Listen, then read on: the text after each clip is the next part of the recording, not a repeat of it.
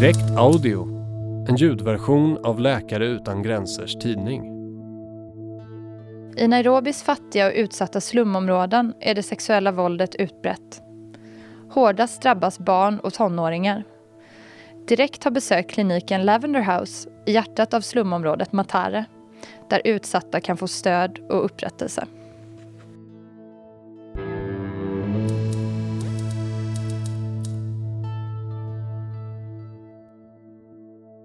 Det luktar bränt.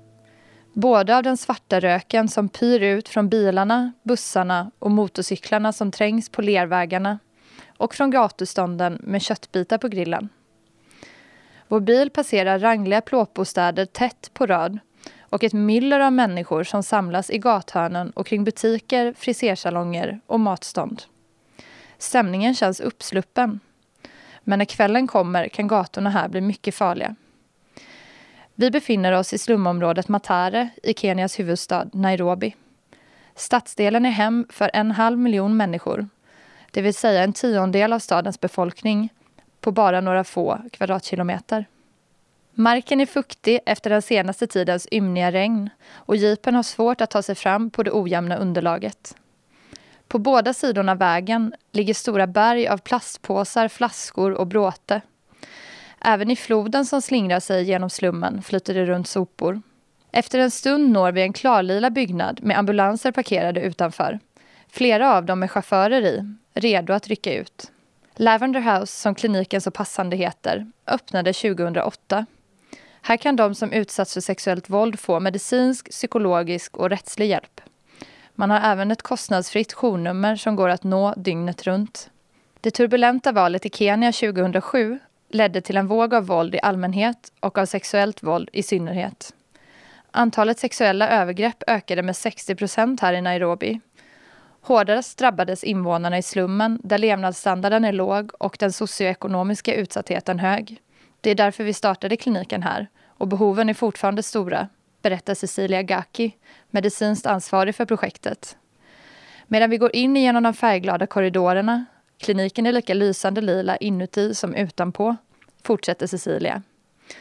I Mataro och de angränsande slumområdena bor kenyaner som lever på under 10 kronor om dagen, men även flyktingar och migranter från Somalia, Burundi och Kongo-Kinshasa.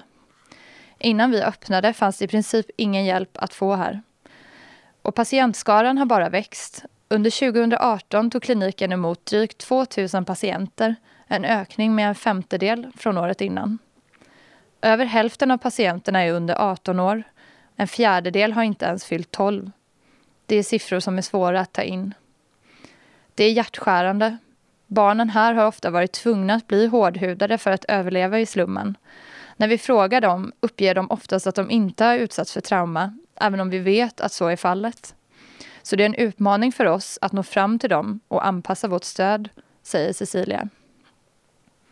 I det lilla väntrummet mittemot receptionen sitter Mary som är här för en sista psykologträff. Hon är 26 år och utsattes i början av året för ett övergrepp av en manlig bekant. Jag var med om en liknande händelse när jag var yngre och jag fick inte hjälp någonstans trots att jag polisanmälde. Nu hade jag hört att man kan få bra hjälp på den här kliniken så jag tog mig hit direkt. Det har varit så skönt att prata med någon professionell om det som har hänt. Det har hjälpt mig att fokusera framåt, berättar hon. Bredvid henne väntar Mercy med sin femåriga dotter Faith. Utöver det medicinska och psykologiska stödet har vi även fått hjälp med att anlita en advokat. Det har varit ovärderligt, berättar Mercy. Vi går vidare in genom kliniken där undersökningsrummen och samtalsrummen ligger i fil. Där träffar vi läkarassistenten Selina Nyambo som gör sig redo för dagens första medicinska undersökning. Det är viktigt att den sker inom 72 timmar efter övergreppet för att behandlingen ska vara så effektiv som möjligt, men också för att hinna samla in avgörande bevismaterial. Patienterna ges förebyggande hivbehandling, så kallad PEP, och vaccineras mot sjukdomar som hepatit B och stelkramp. Vi erbjuder även dagen efter-piller och remitterar för aborter. I rummet finns förutom medicinsk utrustning även mat, dryck och leksaker Selinas arbete handlar i stor utsträckning om att bygga förtroende. En del är fortfarande i chock när jag träffar dem. Att genomgå en fysisk undersökning kan vara väldigt svårt när man utsatts för ett övergrepp. Personalen på Lavender House träffar i snitt varje dag fem personer som utsatts för sexuellt våld. Ofta lyckas jag hålla ihop det, säger Selina. Men jag har brutit samman en gång. Det var en treårig flicka som hade utnyttjats av en främling när mamman var på marknaden. Flickan var så illa däran att hon haltade och hennes kläder var helt nerblodade. Jag klarade inte av det. En kollega fick ta över åt mig. Varje patients livsöde lever kvar hos de anställda och Selina medger att det sätter sina spår.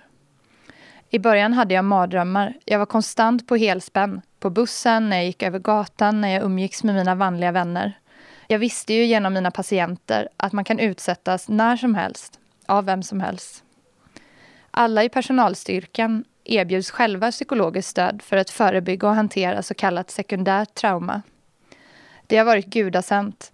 Jag har utvecklat ett mantra. När jag är utanför den här klinikens fyra väggar tänker jag inte på arbetet, säger Selina.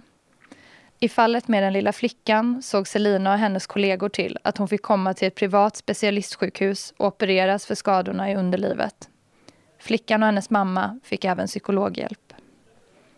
Selina understryker att möjligheten att kunna spela en avgörande roll för någons välmående överväger det svåra. Senast igår sa en patient till mig att hjälpen hon fått här fick henne att glömma det hemska som hänt henne. Om så bara för en stund, berättar Selina.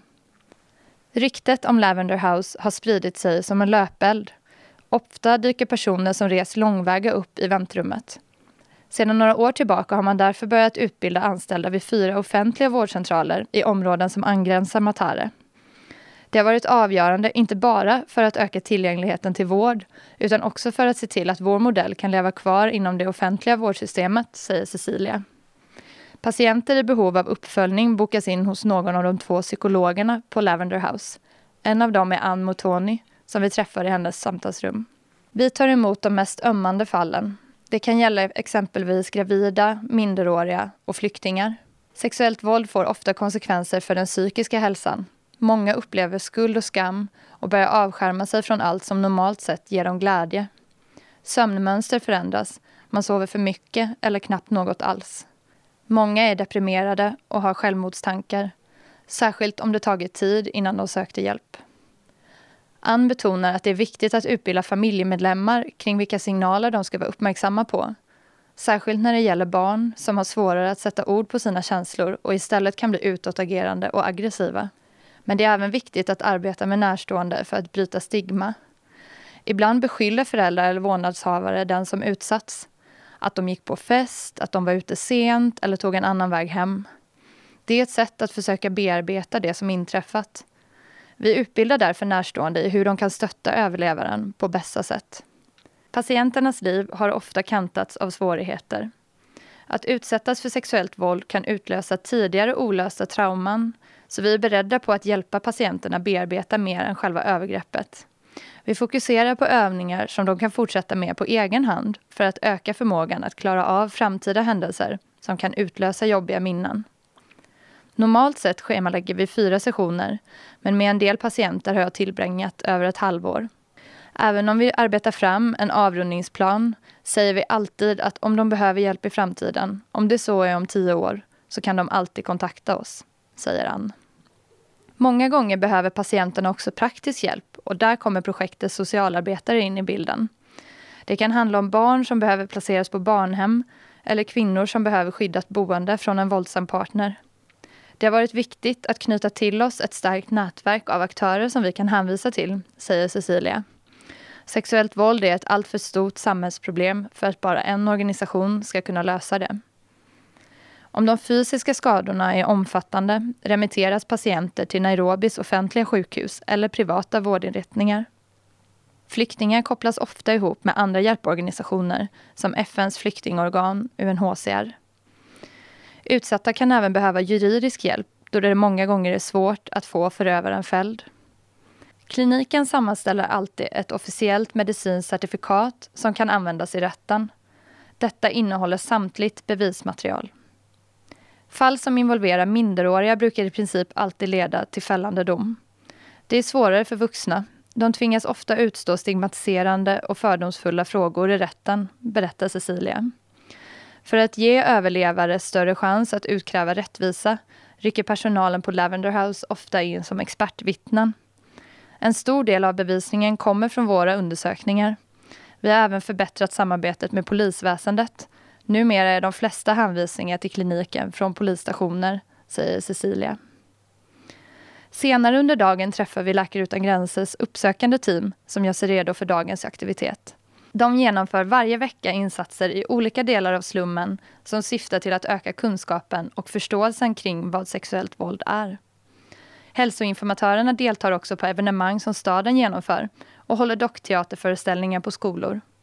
Handlingen baseras alltid på verkliga fall så att den kan diskuteras med barnen efteråt. Varje gång teamet har åkt till ett nytt ställe kan vi under de följande månaderna se att antalet patienter ökar från just det området. Ett tydligare kvitto på att våra insatser gör skillnad kan vi knappast få, säger Cecilia.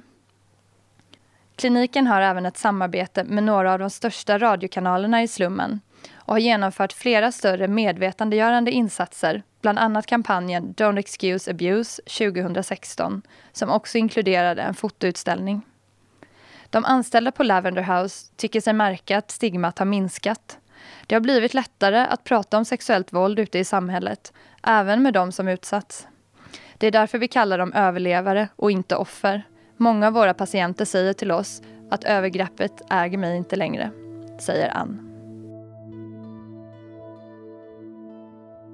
Den här artikeln ingick i Läkare utan gränsers tidning Direkt nummer 4 2019. Den är skriven och inläst av mig, Sanna Gustafsson. Du hittar fler inläsningar om du söker på direktaudio på plattformarna Soundcloud, iTunes, Acast, TuneIn med mera. Du kan ladda ned pdf-tidningen till din dator eller surfplatta på vår hemsida www.lakareutangranser.se. Sök på direkt så hittar du hela vårt tidningsarkiv där. Tack till Bjarki Kaikomo för musiken. Ansvarig utgivare är Oliver Schultz.